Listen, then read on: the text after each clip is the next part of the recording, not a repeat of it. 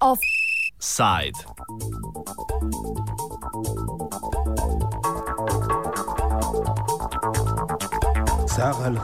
Dogodek, ki ga bomo obravnavali v današnjem offsajdu, se je sicer zgodil že v petek ob nekdanjem prazniku Dneva mladosti, vendar odraža neko širše stanje duha vladajoče politične garniture.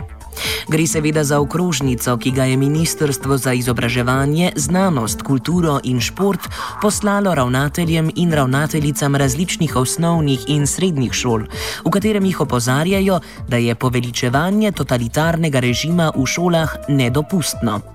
Okrožnica je bila odgovor na pačni informaciji, da želi osnovna šola mladika iz Ptuja organizirati proslavo ob dnevu mladosti, kar naj bi predstavljalo slavljenje bivšega vodje Tita in njegovega tako imenovanega totalitarnega režima. Okoliščine, kako je do zgodbe o slavljenju komunističnega režima v osnovni šoli dejansko prišlo, nam je razjasnil Milan Kumar, predsednik Ptujskega območnega odbora Sindikata vzgoje, izobraževanja, znanosti in kulture.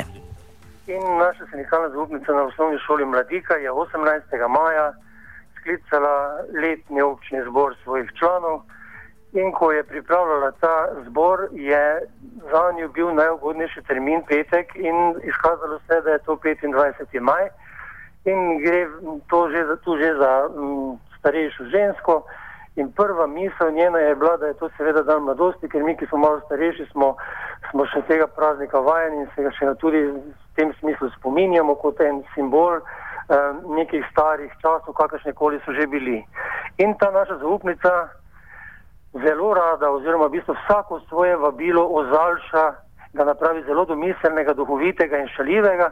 In je tudi to vabilo pripravila v tem smislu, da bo po um, točkah dnevnega reda, ki so lepo navedene um, in ki so na, v bistvu na vsakem takem občnem letnem zboru, da bo um, proslava oziroma da bi naj bila slovesnost eh, ob eh, dnevu mladosti.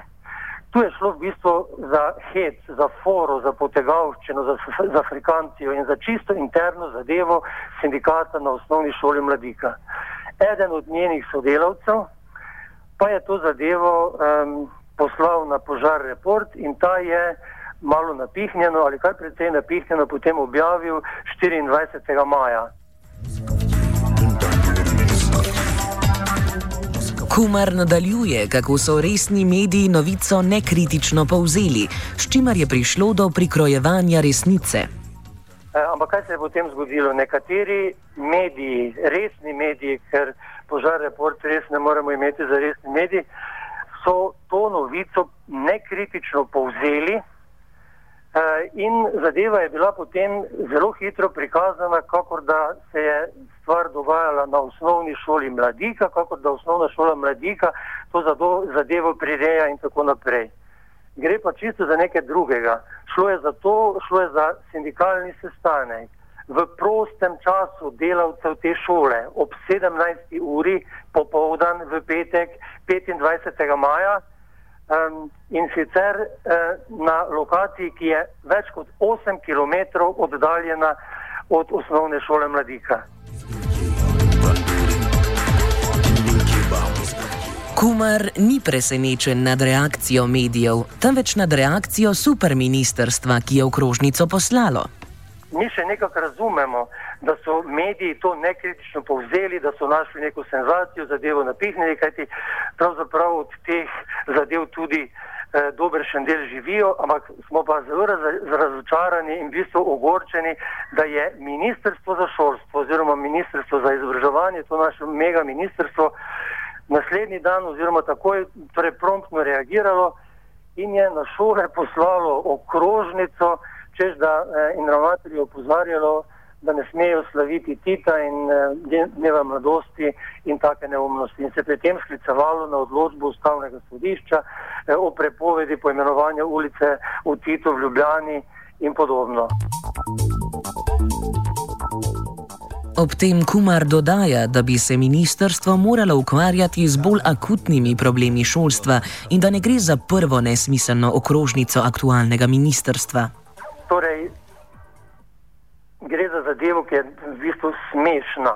Vlada oziroma ministrstvo za šolstvo ima sto in en razlog, da bi pošiljalo po šolah okrožnice o resnih problemih, ki pestijo naše šolstvo, ne pa o taki zadevi, eh, ki, ki je šlo v bistvu resnično za hec. In to okrožnico sta podpisala um, VD sekretarja, sekretarja Juri Šink in Alen Kofol, ki sta v svojem kratkem uredovanju na ministrstvu ustrelila že nekaj kozlov, zagotovo pa je ta doslej največji.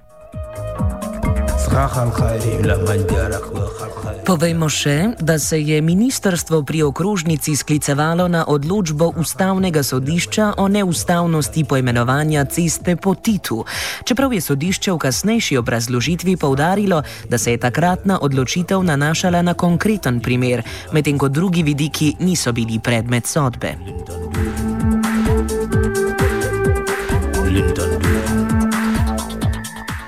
Zgodovinar Božo Repe vidi dva ključna vzroka za nastanek takšne vrste okrožnic strani vlade.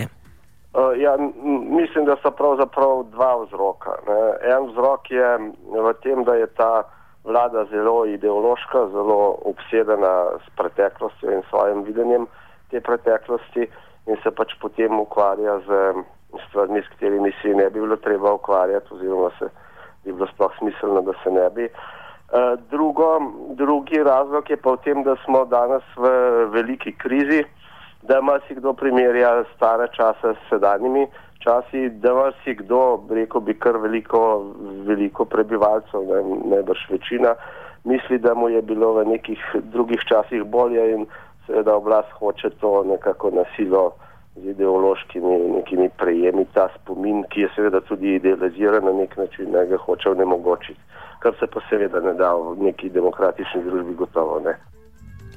Obenem pa izhaja ozadje takšnih ukrepov tudi strani Evropskega parlamenta, ki je na pobudo Evropske ljudske stranke pod enotno oznako totalitarizma uvrstila tako nacizem, fašizem kot tudi komunizem in sicer brez kakršnega koli razlikovanja.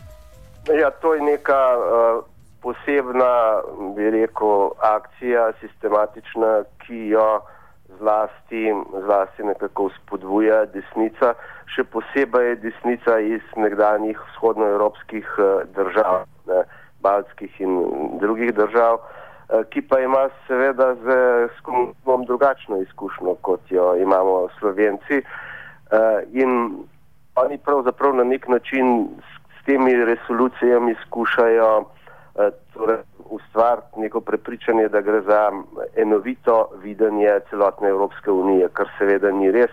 Ni res niti znotraj Evropskega parlamenta, ni res niti znotraj posameznih držav. Pravzaprav so te težnje uh, nekako skozi razne resolucije in tako naprej namenjene temu, da jih potem uporabljajo znotraj svojih držav, v svoji javnosti in se sklicujejo na evropske neke deklaracije. Se podobno je bilo tudi pri nas. Ne. Eh, se pravi, gre za zelo različne situacije, ki so se dogajale v, po vojni in tudi med vojno in to ni mogoče spraviti na nek skupni eh, imenovalec. Ne, in tudi, če to spraviš na nek skupni imenovalec, pride seveda neka zelo paušalna obsodba ali kakorkoli pač neka definicija tega. Ne. To bi bilo treba prepustiti zgodovini in konec koncev tudi osebnemu odnosu ljudi. Ne.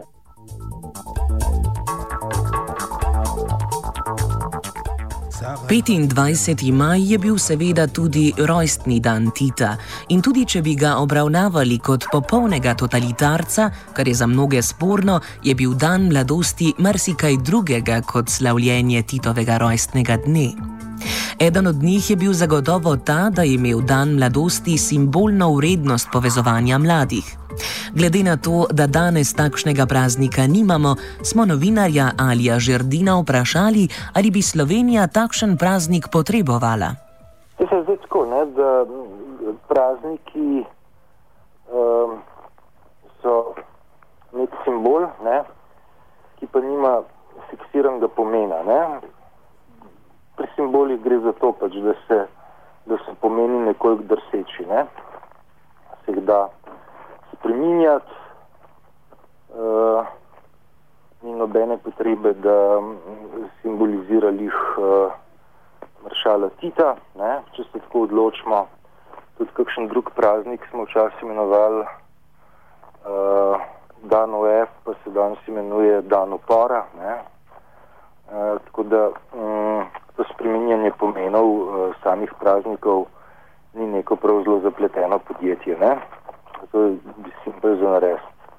Uh, mogoče pa tako simptomatično, ne, da pa uh, mladina ne, v tej državi pač nima, nima več svojega datuma, ne, Ma, imamo dan mrtvih, to ustaja, imamo uh, dva praznika, ki govorita o neodvisnosti in osamosvojitvi, uh, imamo uh, nekaj uh, praznikov z virsko konotacijo, imamo nekaj reči, ki imajo kulturno uh, konotacijo, uh, nimamo pa praznika, ki bi, uh, uh, ki bi formaliziral uh, nek, dajmo reči, vsaj optimističen pogled na, na mlajšo generacijo. Ne. Tega ni, um, se mi zdi tako. Uh, V, v tej paleti simbolov, ki obstajajo uh, povezavi s prazniki, se mi zdi to tako, zelo narobe.